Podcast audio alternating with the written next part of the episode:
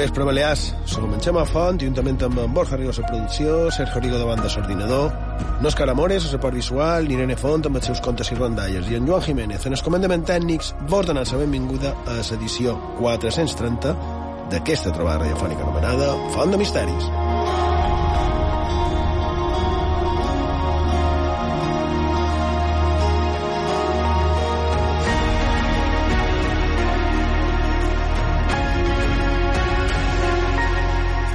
Bon vespre, Borja Rigo. Bon vespre. Sergio Rigo, bon vespre. Bon vespre, Xema.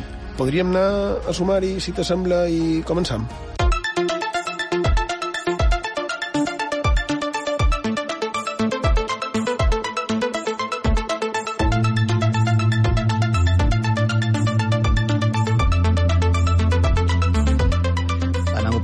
Xema, i aquest programa 430 de Font de Misteris parlarem d'ovnis, recordant casos de fa segles i de les declaracions de fa uns dies referides a la recerca d'un possible objecte extraterrestre que s'hauria caigut a l'oceà Pacífic.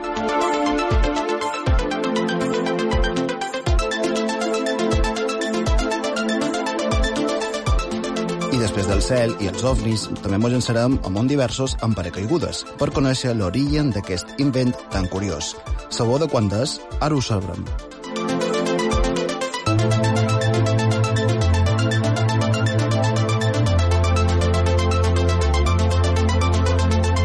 Escoltarem una setmana més a Irene Font amb els seus contes i rondalles.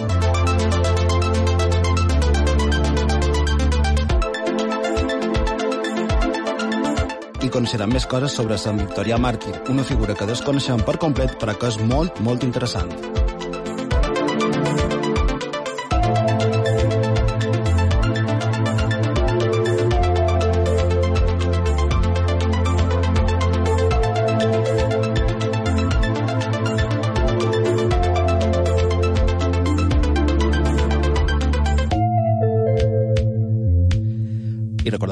Oients que mos podeu enviar tot allò que vulgueu en els nostres mitjans de contacte. Ho podeu fer, com sempre, per WhatsApp i Telegram. El número de telèfon és 659 1669 52. Ho repetim, 659 1669 52. També per correu electrònic fontdemisteris arroba ib3radio.com repetim, fontdemisteris arroba ib3radio.com També mos podeu seguir a les xarxes socials. A Facebook i a Twitter ho podeu fer cercant Font de Misteris. També a Instagram, allà mos trobareu cercant Font de Misteris IB3. I si voleu podeu recuperar tots els nostres programes d'aquesta 11a temporada i de les anteriors. Ho podeu fer en el servei la carta d'IB3 Ràdio, a ib3radio.com, a les diferents plataformes de podcast i a la nostra plana web, fontdemisteris.com.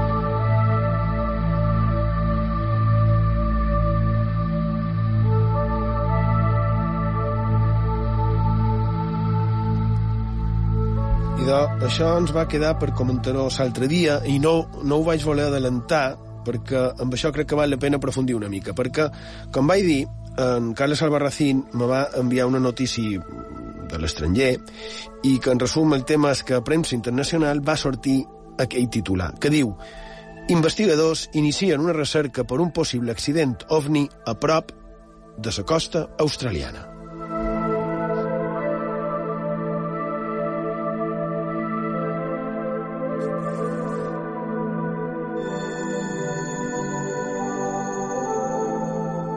Evidentment està clar que estem davant d'un d'aquells clickbaits, no? És a dir, una, una notícia amb un titular cridadís per fer que la gent entri a, a llegir la notícia i així el comptador de visites de, de la plana web puja, no?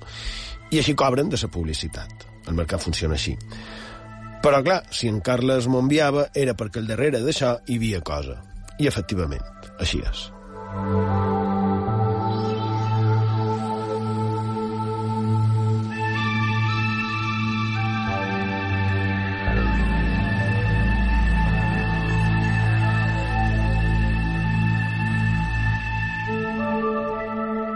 Bé, a Font de Misteris ja hem parlat diverses vegades d'aquell científic que neda una mica contracorrent, no? Navi Loeb.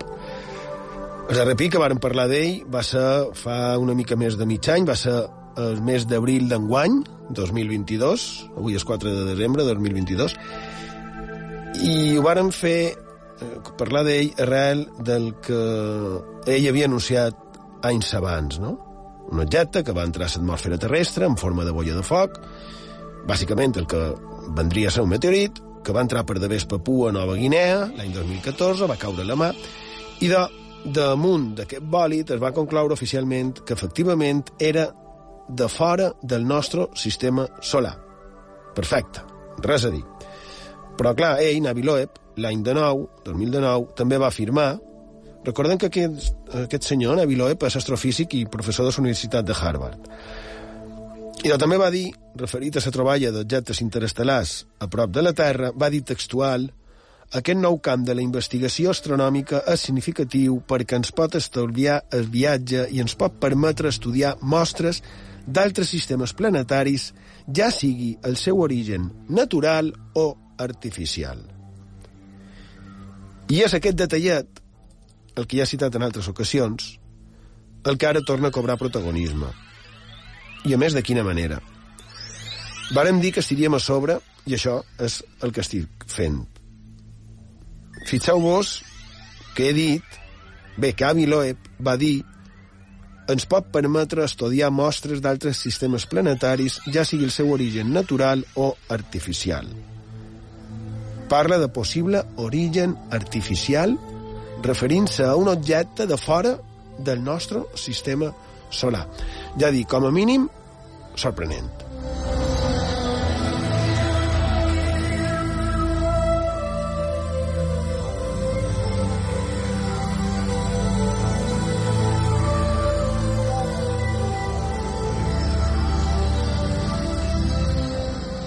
diari Daily Mail de dia 21 de novembre d'enguany, de fa res, una setmana i mitja, mos posen antecedents dient el que ja varen dir aquí, el darrer pic, que varen parlar d'aquest tema, i és que el passat abril les forces especials espacials de l'espai eh, dels Estats Units varen confirmar que un meteorit va caure a la Terra l'any 2014 i que tenia el seu origen extern en el nostre sistema solar, un objecte que era, així ho diuen, interestel·lar.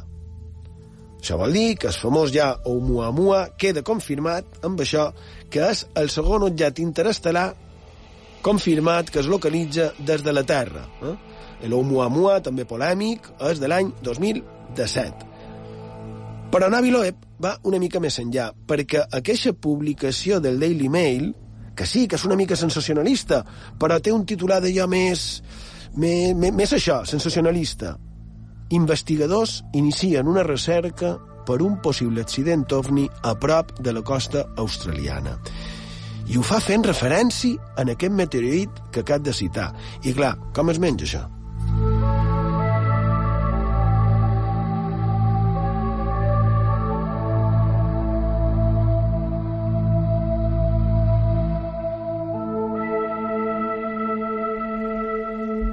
I de surt d'una publicació científica que va fer l'astrofísic de Harvard, aquest que citat, Navi Loeb, que diu, bé, ell escriu amb un toc humorístic, amb certa ironia, però com ho he de traduir de l'anglès, miraré de centrar-me en el que més mos interessa, no? Diu que el nostre Sol es va formar fa 4.600 milions d'anys, tema també per debatre en una altra ocasió, per la quantitat d'edats diferents no? que se li donen en el nostre Sol, però més o manco van per aquí estirs. No?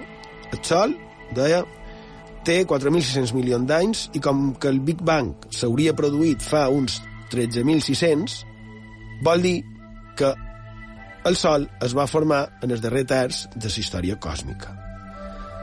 Se sap, ells ho saben, que el culmen en formació d'estrelles va ser fa de més 10.000 milions d'anys. I això vol dir que la majoria d'estrelles s'haurien format molt abans que el nostre Sol, que és una estrella. També se sap que d'aquí més uns 1.000 milions d'anys, el Sol, aquest Sol que ens dona vida, i doncs se carregarà qualsevol possibilitat de vida a la Terra. L'esterilitzarà de la calorada que manarà.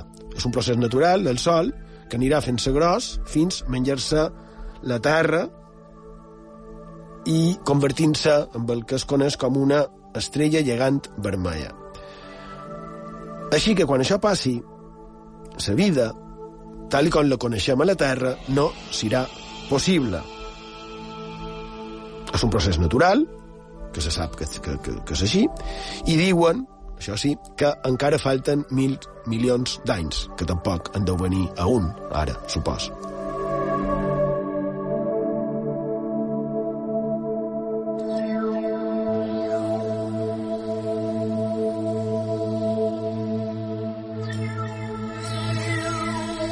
Segueix dient que partint d'aquesta base tenim que en circumstàncies semblants la majoria d'estrelles que hagin estat semblants en el Sol ja hauran esterilitzat els planetes que siguin semblants a la Terra. I, en conclusió, la vida en aquells planetes, en cas d'haver existit, evidentment, i doncs la vida ja ja no serà possible. I això voldria dir que o bé aquella possible vida o bé es va extingir o bé varen haver d'emigrar a altres planetes. Però, clar, això hauria passat fa mils de milions d'anys. I diu a la publicació aquesta científica d'on estic traient, que és The, The, The Brief, diu no té cap sentit cercar senyals de ràdio d'aquelles exoterres que ara ja estan esterilitzades. Arribam tard a la seva festa. Ja ha acabat.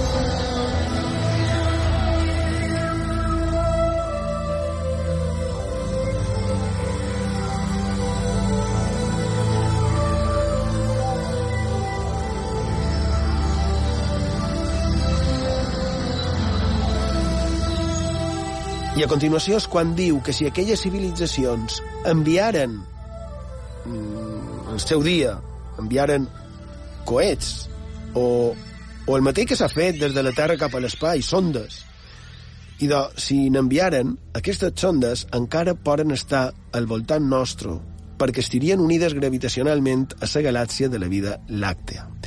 Ell ho explica en dades que jo desconec, però conclou aquest afamat, podem dir, astrofísic, que això, tot això, ens permet trobar evidències de civilitzacions ja passades que varen començar a funcionar milers de milions d'anys abans que nosaltres. I diu una frase de queixes que són sentència. El nostre futur es manifesta mitjançant el seu passat.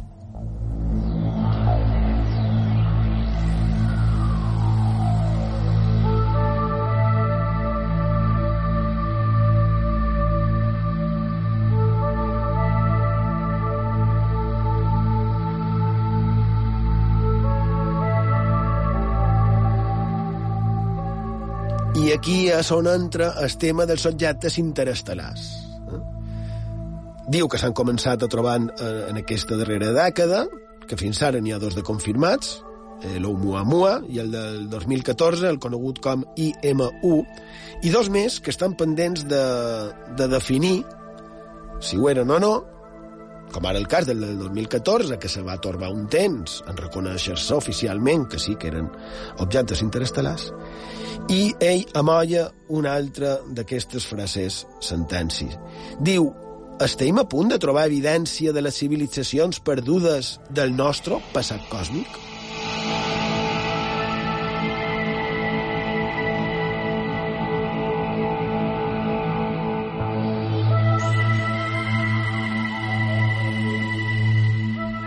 I aquí ara ve, com diu aquell, quan el maten. Resulta que el senyor Aviloeb és el director del conegut com a Projecte Galileu de la Universitat de Harvard. I sabeu quin és l'objecte d'aquest projecte, del projecte Galileu? I és la recerca científica sistemàtica d'artefactes tecnològics extraterrestres. Què t'apareix?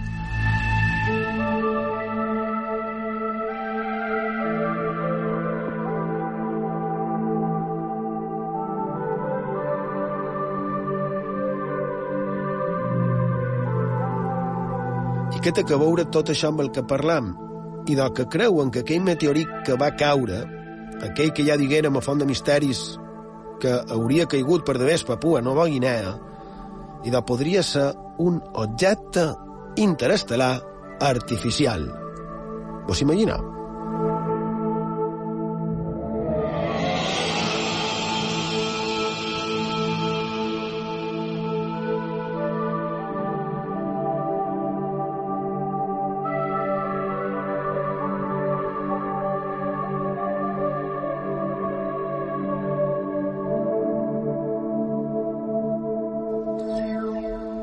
Segons publica el Daily Mail, hi ha una expedició amb un cost de 2.200.000 dòlars, que són molt de sous, molt de dobbers, per tractar de trobar aquest objecte de menys d'un metre de diàmetre que saben d'ell que és d'un material més resistent que el ferro i per això no saben si és una pedra estranya, rara, o pel contrari, diuen que, que va dir Navi Loeb això és textual del diari Daily Mail, de textual traduït per jo, però ve a dir el material és més, resistent, és més resistent que el ferro, segons les dades, i per això la pregunta és si és només una roca inusual o pot ser una nau espacial d'una altra civilització.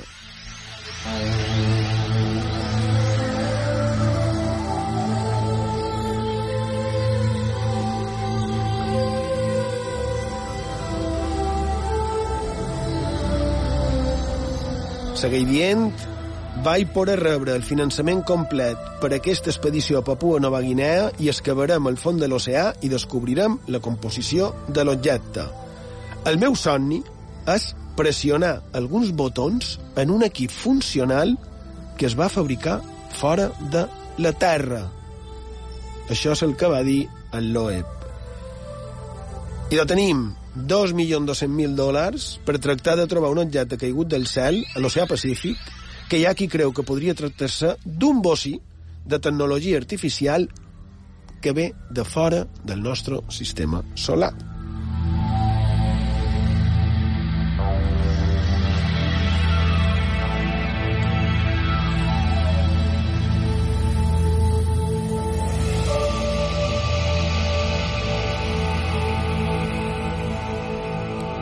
Sí, sé que sona molt estrany, molt absurd, si voleu. Però, clar, no ho sé. Però ja ho he dit, i ho hem comentat aquí en altres ocasions. Si d'aquí milers i milers d'anys qualcú troba aquestes sondes que es varen enviar fa 50 anys des de la Terra cap a l'espai, que ja han sortit també del nostre sistema solar, què pensarien els que les trobassin? I potser tindran el seu científic, el seu propi avi Loeb, fent les mateixes elucubracions, mentre la resta de la comunitat científica se'n riuen d'ell.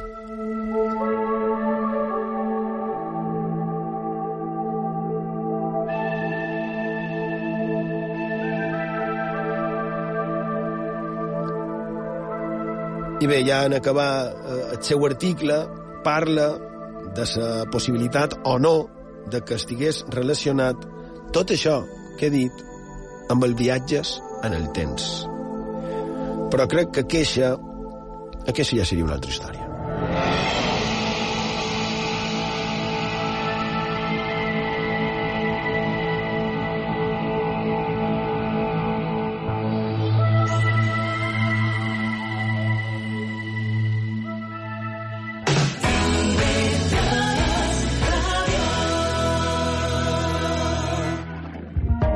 L'anàlisi del dia a les 8 del vespre. Avui seguirem parlant de la llei de costes. Sí, un tema que se'n parlarà. Recordeu que demà hi ha un ple al Consell de Formentera. Lula da Silva torna a ser president del però Brasil. que no felicitarà a Lula da Silva. Anem a saludar en Néstor Prieto, un dels coordinadors de Descifrando la Guerra. Parlant damunt la taula d'anàlisi la possible reforma del delicte de sedició i també les conseqüències polítiques. que Entre avui i demà, amb Araceli Bosch. IB3 Ràdio. Jo vaig començar de jove en la bateria. Ets un bateria, en el fons, eh? Mon pare és músic i li va aparèixer bona idea que tocàs la bateria. Eh, mo mare se va anar a queixar a mon pare. I mon pare li va contestar mentre toquis la bateria no anirà darrere ses nines. va estar tancat el tema. I vaig seguir tocant la bateria. Una jam session de sons i paraules, amb Mònica Borràs. El problema és que quan no tens grup, tocar la bateria és molt avorrit. Diorama, de dilluns a dijous, de 10 a 11 del vespre. I m'ho he passat la guitarra. I això és història.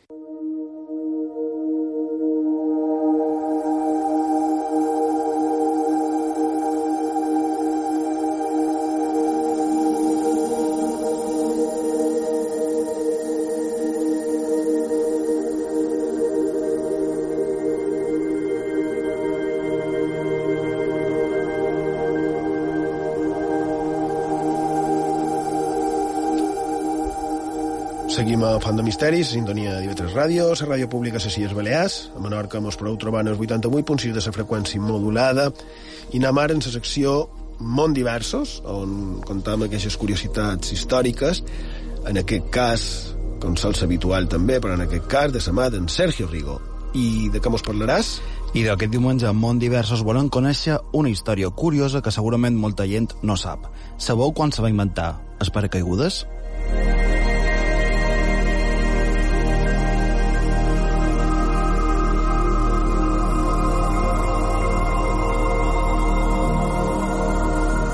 Sempre s'ha dit això que la humanitat sempre ha somiat en volar i anar molt lluny, però clar, la invenció com a tal de l'avió és bastant recent. Per això, abans de surcar als cels, s'inventa un sistema per poder votar de molt alt i poder aterrar sense cap dificultat. Aquesta és història dels paracaigudes.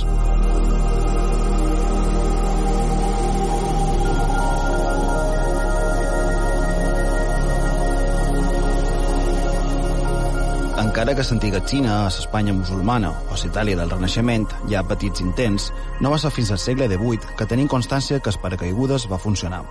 Concretament, se va desenvolupar després de l'aparició del globus aerostàtic, inventat també pels germans Montegolfier el 1783. Ells mateixos varen ser qui col·locaren diferents cordes formades a una campana de tela i se llançaren d'un edifici de 35 metres a Avinyó. Allà mateix, un altre compatriota seu, en Lluís Sebastián Lenormand, va votar des de l'Observatori de Montpellier, agafat una anella i una tela, i va inventar el nom d'aquest artilugi, paraxuter.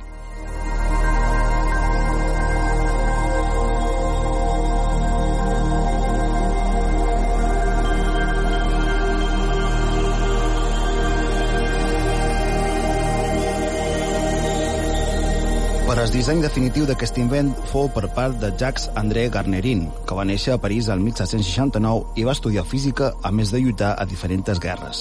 Se dedicou a caure presoner dels austriacs i va pensar que un paracaigudes el podria servir per botar el mur de la presó i escapar-se.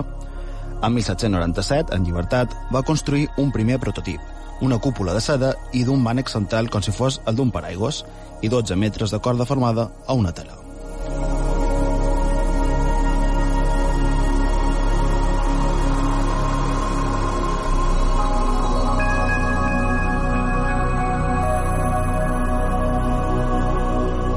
El 22 d'octubre de 1797, en Ganerin va fer el primer vot a un parc de París. Se diu que va formar un globus d'hidrogen i va pujar 900 metres. Va tallar la corda, el globus va explotar i ell va caure ràpidament, assustant els presents perquè imaginaven una tragèdia. No va ser així i va aterritzar sa i estalvi en el parc. Però les aventures d'aquest Garnerin només comencen aquí. Diuen les cròniques que va realitzar desenes d'exhibicions. En 1802, després de la signatura de Pau d'Amiens entre Napoleó i els britànics, va decidir creuar el Canal de la Manxa en un globus i després descendir en paracaigudes des de 2.400 metres d'alçada. Una reflexió interessant que he trobat amb aquest episodi és que menys mal que en Napoleó no va imitar aquest trajecte amb soldats seus armats en la ruptura de la pau un any després. Els atacs amb aquesta estratègia són de 138 anys després a la Segona Guerra Mundial.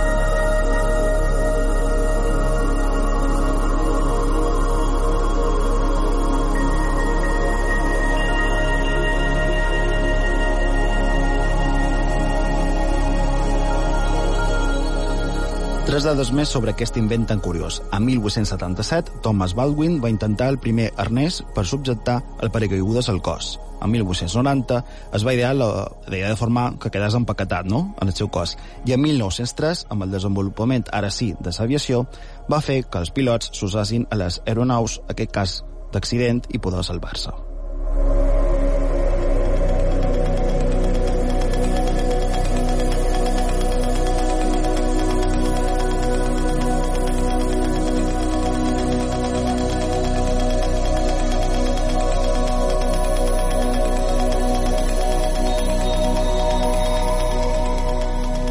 Història de les precaigudes. Jo crec que abans se deia que, no sé, encara se manté aquesta teoria, no? que l'inventor hauria estat, com no, el Leonardo da Vinci, que hauria fet una mena de precaigudes que tenia com una forma piramidal. No? I ja després també n'hi havia un altre, que crec que no l'ha citat, que era en Fausto de Verancio, que aquest és curiós perquè va publicar un, un llibre on va deixar recollides algunes experiències que va fer damunt d'això i en qualque il·lustració que era molt curiosa. Però clar el que va fer aquest bon home en Verancio aquell primer intent de votar que ell, ell ho anomenava home volador que votava des d'una torre i es creu que sí, que efectivament va votar qualcú, però pot ser que fos el primer i el darrer vot que, que va pegar el que fos, no? Això era finals del segle XVI i fins, fins a dia d'avui. Molt interessant.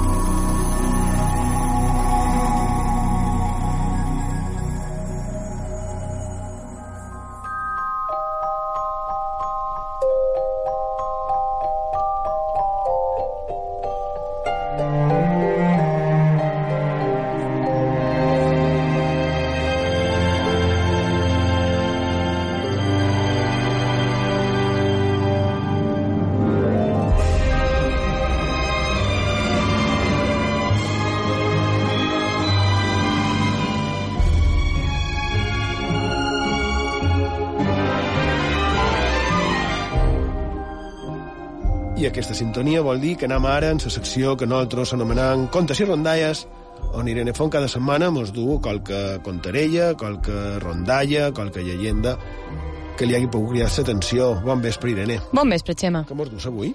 Com que vares dir que estava previst fer qualque al·lusió al sant que veneren a Campanet, a Sant Victorià, he cercat a menys si trobava qualque contarella o qualque llegenda referida a aquest sant.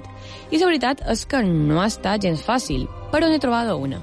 Una on el protagonisme el té directament Sant Victorià, el màrtir, i que té la seva part ben curiosa, com a totes les llegendes. És molt breu i narra com va arribar a estar exposat a Campanet el cos incorrupte d'aquest màrtir de l'Església Catòlica. La estreta del llibre Mallorca, leyendas, tradiciones y relatos d'en Gabriel Sabrafín i conta tal que així.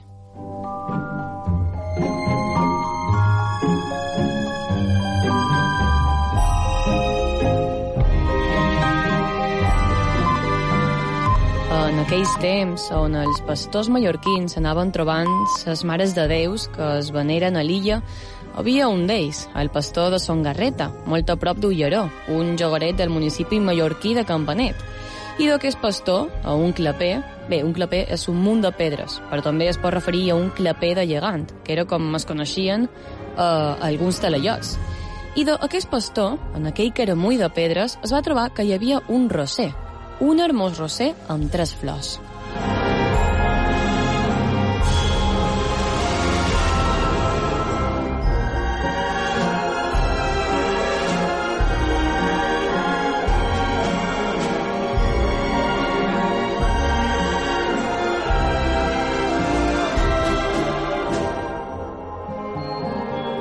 Aquell al·lot va tallar aquelles flors i quina va ser la seva sorpresa quan una d'elles, la de mig, en lloc de caure sàvia al tallar-la, varen caure unes gotes de sang.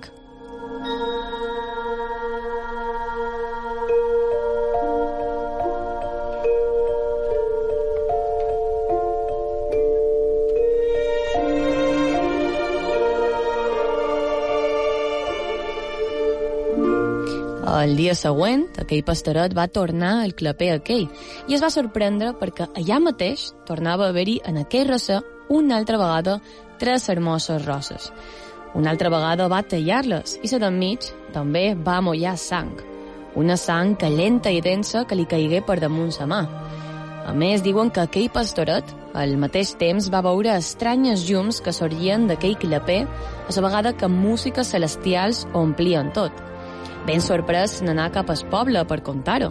I per si no fos suficient el que havia viscut, a la vegada, camí del poble, durant el trajecte, anava acompanyat d'una oloreta suau, semblant a la que surt de l'incensari de plata els dies d'ofici a la parròquia, fins que a la fi arriba a Campanet.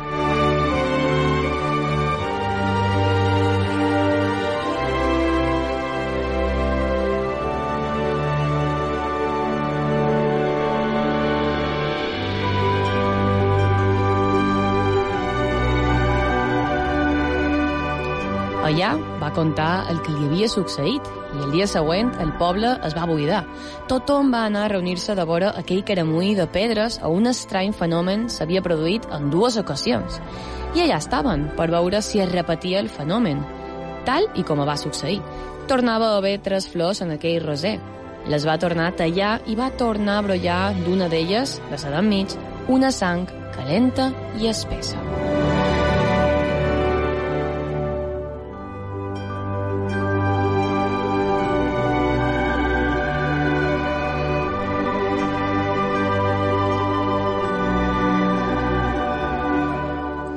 Entre tots varen desfer el caramull de pedres i baix d'on era varen trobar, com si estigués dormit, el cos incorrupte de Sant Victorià.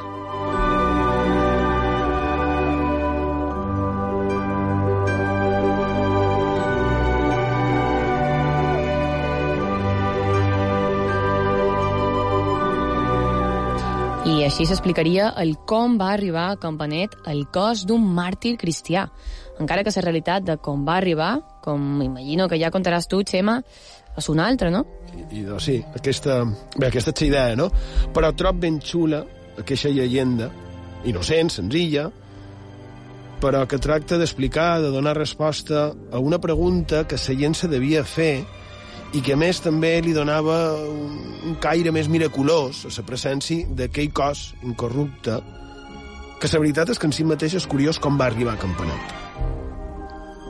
Això que has contat podria ser una mica com el pastoret aquell que hauria trobat de manera miraculosa la Mare de Déu de Lluc i, i del que més deien que el pastor deia així, no? Lluc jo crec que, que, que és interessant no? per, per les semblances, per, per com se varen adaptar a altres llegendes en aqueixa de Sant Victorià. Uh, tens res més? Uh, sí, aprofitant que estem parlant de morts, de roses i de campanet, podem contar de manera molt breu una altra llegenda que es contava.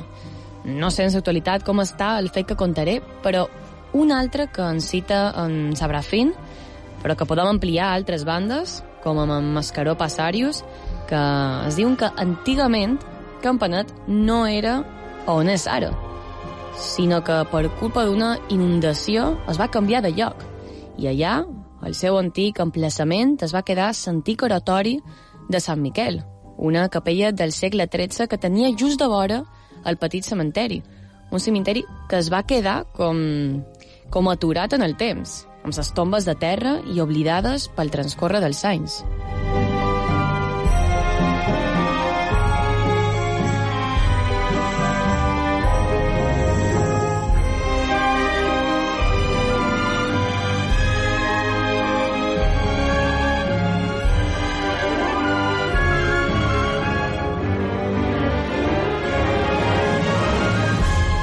I entre d'elles se'n destaca una, identificable amb el nom d'Isabel Pons, una jove campanatera que té el seu nom a una làpida de marbre blanc.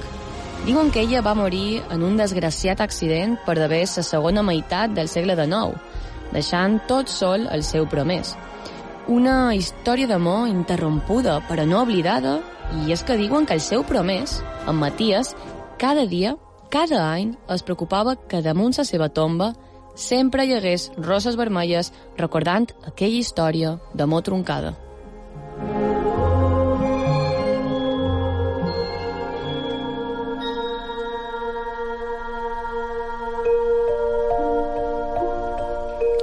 Una història que seria semblant a altres recollides per la literatura, però que en aquest cas té una vessant més llegendària. Fa 50 anys es deia que pel dia de difunts, d'haver 100 anys després, encara seguia trobant pel dia primer de novembre una rosa fresca damunt la seva tomba.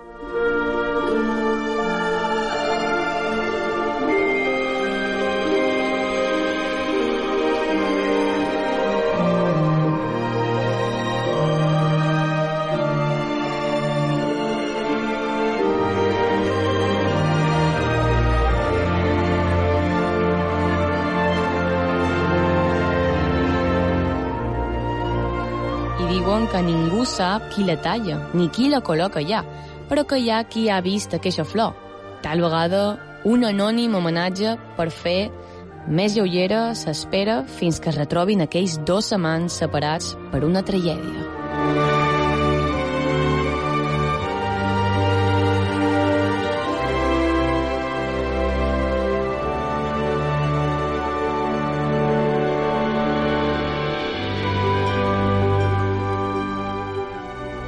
I doncs, si deixant de banda la part tràgica, evidentment, i de també ben polida aquesta llegenda, aquesta història, crec que bastant desconeguda, i a part d'en Sabrafin i d'en Mascaró Passarius, parla d'ella en Espinàs. Eh? I segons ell fa més de, 5, més de 150 anys que Sal·lota hauria mort, i jo, personalment, vull subscriure les seves paraules. M'agradaria, va dir Espinàs, que la història fos certa, i potser ho és.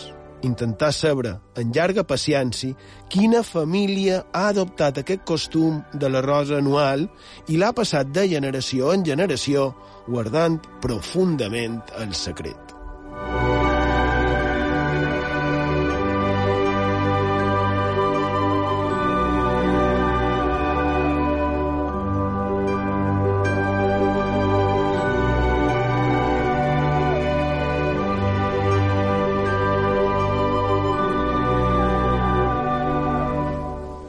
Ara m'arribe per semblances, crec que deien que una de les tombes de Cabrera, del petit cementiri de Cabrera, de Silla de l'arxipèlag de Cabrera, i de, hi ha qui deia que passava quelcom semblant.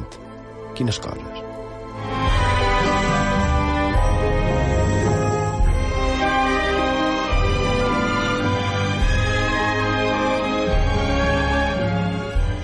Sí, clar, i si, si ja vaig amb això, hi ha una altra tomba on es produiria això. Siria a la que es creu, es pensa que era la tomba de Nedgar Allan Poe. Dic la que, creu, la que es creu que era perquè sembla que quan el varen canviar de lloc mm, en el cementiri va haver qui digué que aquell no era en Poe. Eh, curiós també la semblança una altra vegada en la petita tomba de, del petit cementiri de Cabrera, no? El cas és que un dia determinat de l'any, cada any, de matinada, en aquell cementiri a Baltimore, en els Estats Units, una enigmàtica figura s'apropava en aquella tomba, feia una mena de brindis i deixava damunt sa tomba una botella de conyac i tres roses vermelles. I així va ser, diuen que durant 60 anys. Fins l'any 2010, que diuen que és la darrera vegada que es va dur a terme per aquell misteriós personatge, aquell estrany ritus. Bé, jo crec que és molt interessant i crec que és eh, fascinant, no? I després veure aquestes semblances amb aquesta part llegendària, amb aquesta part també històrica, no? Crec que és molt curiós. Moltes gràcies, Irene. Gràcies a tu, Xema, i fins la setmana que ve.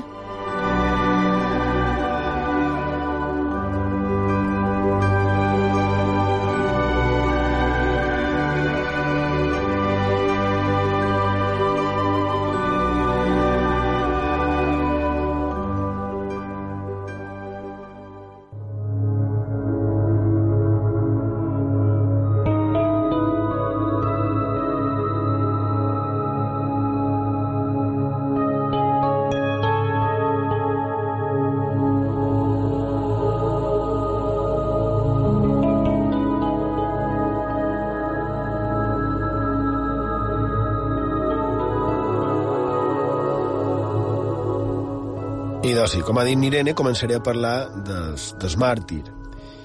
I bé, m'agraden els reptes, i quan no sé d'una cosa m'he de cercar informació. I això és el que me va passar fa dues setmanes, quan Sergio mos, mos va sorprendre amb, amb una història que, que jo desconeixia totalment, i, i bé, i vosaltres crec que també ho varen comentar. Correcte. I era la d'aquell sant que tenen a Campanet, illa de Mallorca, que es diu Sant Victorià. I, clar, quan parlant dels arxius sonors de la UIB, a la Universitat de les Balears, vàrem escoltar en Major, que ja per l'any 80 parlaven d'aquest sant com a relíquia, i d'això no vaig poder-me resistir i he estat trescant.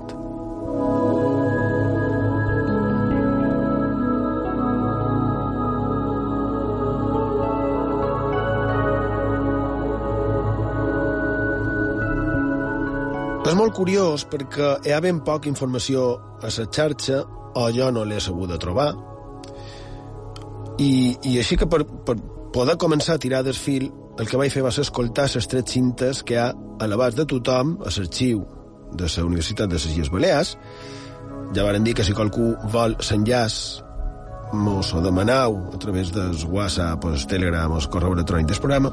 Després en Sergio Suncas ho dius. I bé, el cas és que en aquestes cintes m'he trobat que diuen les persones majors entrevistades que el dia de Sant era típic fer ball, eh? que aquell sant hauria estat un soldat i que per aquest motiu les mares dels soldats anaven a pregar-li. Ja fos per evitar allò que es deia Samili, que ve molt d'antic, una de les possibilitats que hi havia com a resulta del sorteig dels quintos, dels joves, era, bueno, se feia un sorteig per saber la destinació que li tocava. No?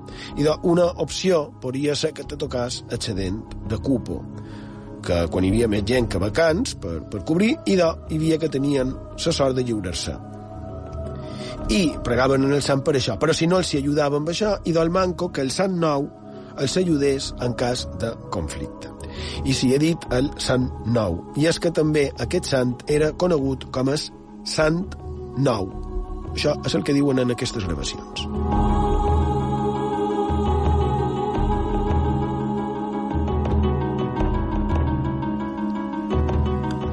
També es diu que ell no és patró de Campanet, que és Sant Miquel, que no se sap res de la vida d'aquest Sant Nou i que es queixaven precisament d'això, fa 40 anys, del desconeixement que hi havia damunt d'aquest senyor que està de cos present allà a Campanet.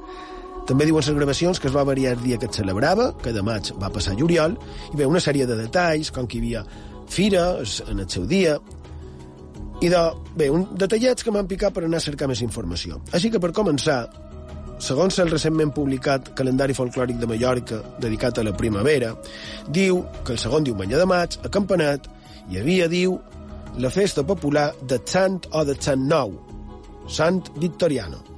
És la primera entre la sèrie de les festes populars de Mallorca. Endemés, d'altar fumat i missa de tres, hi ha a la plaça de Campanet torrons, avellanes, japolies per infants i grans, ball de pallès. Acudia gent de molt de pobles i cada poble feia el seu rotllo de ball i acaba dient primer la festa se celebrava a Ulleró i així era, a la finca de Son Garreta el llogaret d'Ulleró, finca ben antiga que va acabar sent dels Despuig i entre d'ells el més il·lustre, eh? el cardenal Despuig que va transformar la possessió en una gran finca amb una important capella no de ser era cardenal i va ser allà on es va ubicar per primera vegada el cos d'aquest enigmàtic sant.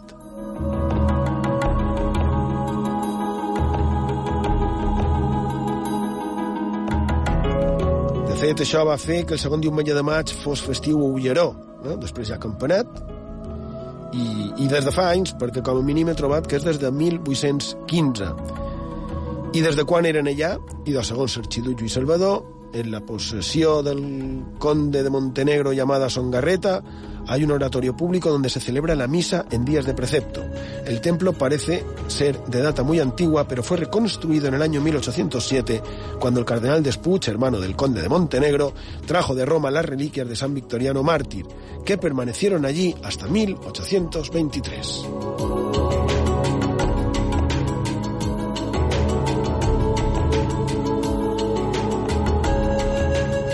I malgrat dur de Roma aquestes relíquies, que no sé si ho he especificat, no sé si ho hem comentat en el, en el Contes i Rondalles, en aquella llegenda, però resulta que té la particularitat de que és un cos sencer, no un bocinat, no?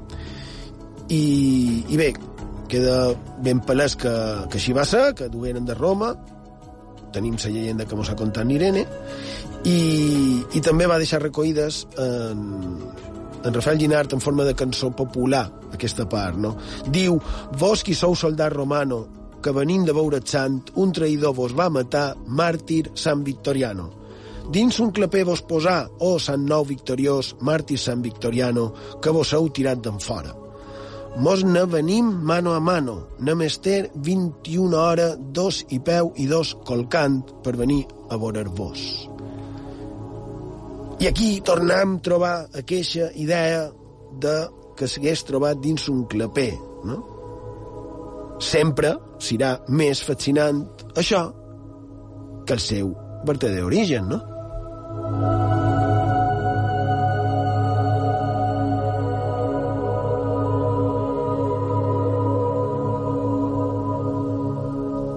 I de val, no contaré ara el verdader origen perquè canviaran de registre Borja Rigo, no tampoc t'has d'enfadar, i mos anem a seguir parlant d'històries d'ovnis. Si un cas, la propera setmana mmm, seguiré parlant no? de qui podria haver estat aquest sant, de com realment va acabar el cos d'un senyor que diuen que és màrtir a una finca, a un llogaret de Mallorca, fa 200 anys.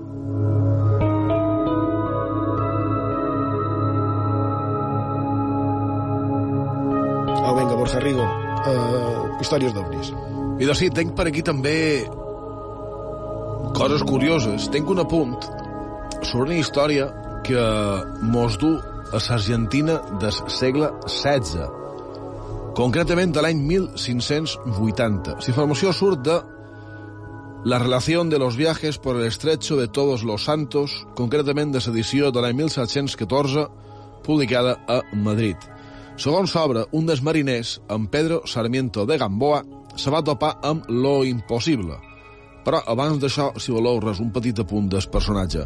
Entre altres coses, va comandar una expedició per competir amb en Francis Drake, el Drake, que li deien, també va ser el primer cosmògraf del Perú i la seva expedició va descobrir les illes Salomó. A més, i això mos agrada més encara, va tenir dues sèries topades en l'Inquisició en el Perú. Van ser els anys 1561 i 1564. Se'l va acusar de nigromant, de fer estranys conjurs i de tenir anells màgics, però se'n va sortir de qualque manera fins al punt de que després del segon judici el van posar a comanar l'expedició precisament de les illes Salomó. Però, anant amb el, amb el tema, què va veure en, en Gamboa? I de, atenent en el llibre que vos comentava, diu així.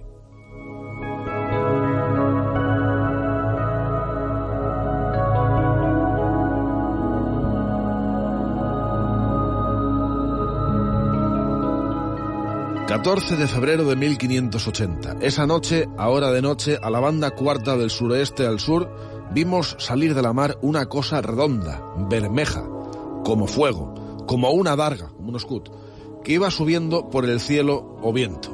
Sobre un monte alto se prolongó y estando como una lanza alta sobre el monte, se hizo media luna entre bermeja y blanca. Las figuras eran de estas maneras.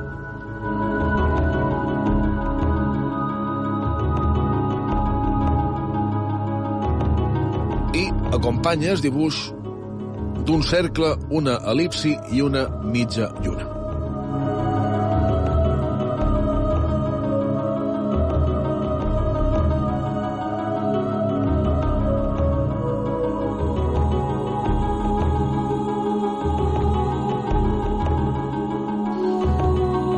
Voleu més coses, fa vés 10 anys me vaig topar amb un article ben interessant a la desapareguda revista digital Revista d'Investigació. El testa parlava de les anomenades reduccions per part dels jesuïtes al Paraguai. Aquestes reduccions eren, ràpidament, les normes i lleis que proposava i imposava aquesta ordre religiosa com a confrontació del model que havien aplicat els franciscans fins a aquell moment. De fet, l'article deia Los jesuitas ensayaron con los indios guaraníes del Paraguay un revolucionario socialismo cristiano que desafiaba la avaricia de los colonos españoles i de los bandeirantes portugueses. Curiós, certament. En el marge d'això, durant aquestes reduccions va temps pel fenomen OVNI. Aquesta informació la trobam en Andarnaude, que van citar quan parlaven d'humo, a Benítez i a llibres anteriors com e Bandeirantes no Itatim de 1952. Informació que surt de sa pròpia crònica jesuïta. Diu, En la reducción de San Ignacio de Ipané el 10 de agosto de 1631, un algo extraño y luminoso fue visto surcando el cielo. Entre las 6 y 7 de la tarde se vio levantarse por la parte de oriente un globo luminoso de extraña grandeza que vino con vuelo no apresurado, sino algo lento, por encima del pueblo como una luna llena. Despedía hacia oriente gran cantidad de centellas y al llegar a la línea del horizonte de occidente se abrió con mayor luz, la que luego se apagó y transcurrido el tiempo que se tarda en rezar un credo, dio un tremendo estallido como de trueno.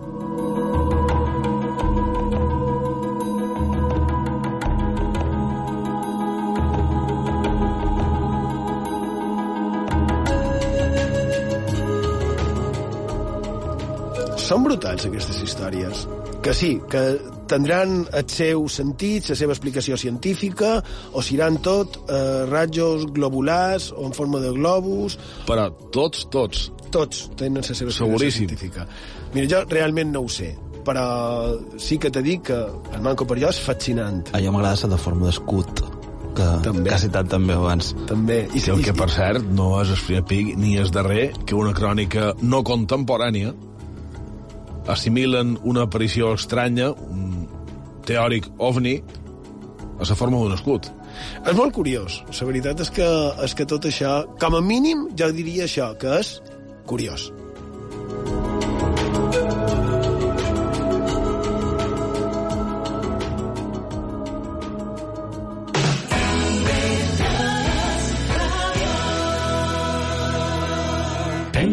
Quina paraula creus que s'està perdent? Desxerabotat. Xicra. Pubil i pubila. M'agrada molt tanta sort. La paraula en desús és xerallai. Punyeta. Una paraula que ja no s'utilitza tant, que està en desús, és pic. Un pic va passar això, un pic vaig anar a tal banda. Nyarro. Un cànyon de clau. Sadoll. Sadoll quan estàs ple. El xibuiro. Escòmetre. Xicra, que és una tassa. Sembla una paraulota. Marraner. Significa amable i afectuós de tracte. Tentol, de 3 a 6 a IB3 Ràdio. Tentol. Eclèctic, on conviuen totes les músiques. Eclèctic, amb Ferran Pereira. De dilluns a dijous, a les 11 del vespre, a IB3 Ràdio. Salut i bona música.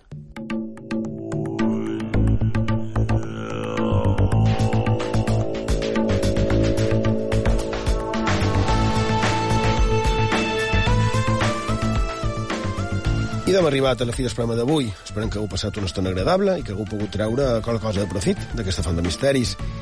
I ja que han citat en Edgar Allan Poe i aquella història de mot truncat de campanet, permeteu-me recordar, com no, una altra història de dos joves enamorats on la mort els hi va rompre els seus somnis. Estic parlant, clar que sí, del poema Annabel Lee. Els àngels, que no eren ni la meitat de feliços al cel, es van envejar a ella i a jo. Sí, aquella va ser la raó, com tots saben, en aquell regne al costat de la mà. Per això, un vent nocturn glaçà i va matar la meva Annabel Lee. Però el nostre amor era més fort que l'amor dels que eren majors i de molts que eren més savis que nosaltres. I ni cap dels àngels de dalt del cel, ni dels dimonis de sota del mar, podran mai separar la meva ànima de l'ànima de la vella Annabel Lee. Perquè la lluna mai brilla sense portar-me somnis de la vella Annabel Lee, i les estrelles mai resplendeixen sense que vegi els ulls brillants de la vella Annabel Lee. I per això, tota la nit, la passa al costat de la meva amada, de la meva estimada, de la meva vida i de la meva esposa, en el seu sepulcre a prop de la mà, en la, sem en la seva tomba a la vorera de la mà. De Edgar Allan Poe i Santiago Userón, interpretada per Enrique Bumburi, Annabel Lee. Allí, Pau, bona nit. Gràcies per la vostra companyia i fins la setmana que ve.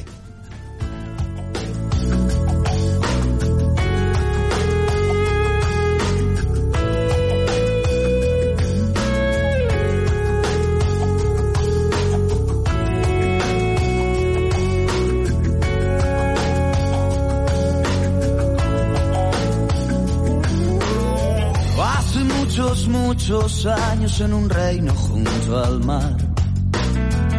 Habitó una señorita cuyo nombre era Annabelle. Que crecía aquella flor sin pensar en nada más. Que en amar y ser amada, ser amada por mí. Éramos solo dos niños más tan grande nuestro amor.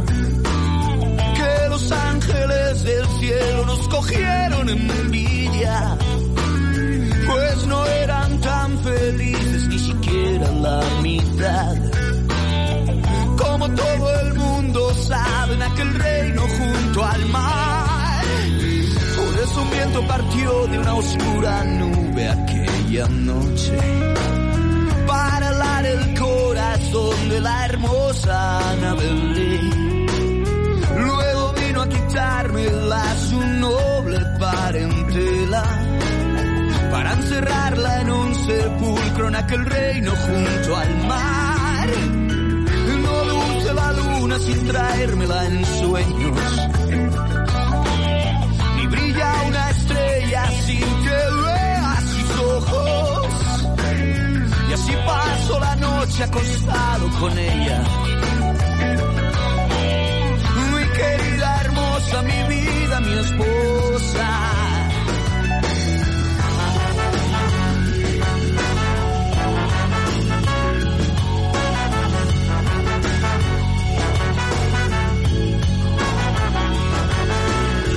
Nuestro amor era más fuerte que el amor de los mayores, que saben más como dicen las cosas de la vida.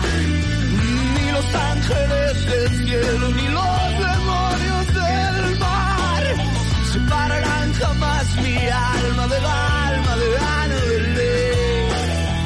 No luce una luna sin traérmela en sueños ni brilla una estrella sin que vea sus ojos. Si paso la noche acostado con ella, mi querida hermosa, mi vida, mi esposa. y En aquel sepulcro junto al mar. En su tumba junto al mar.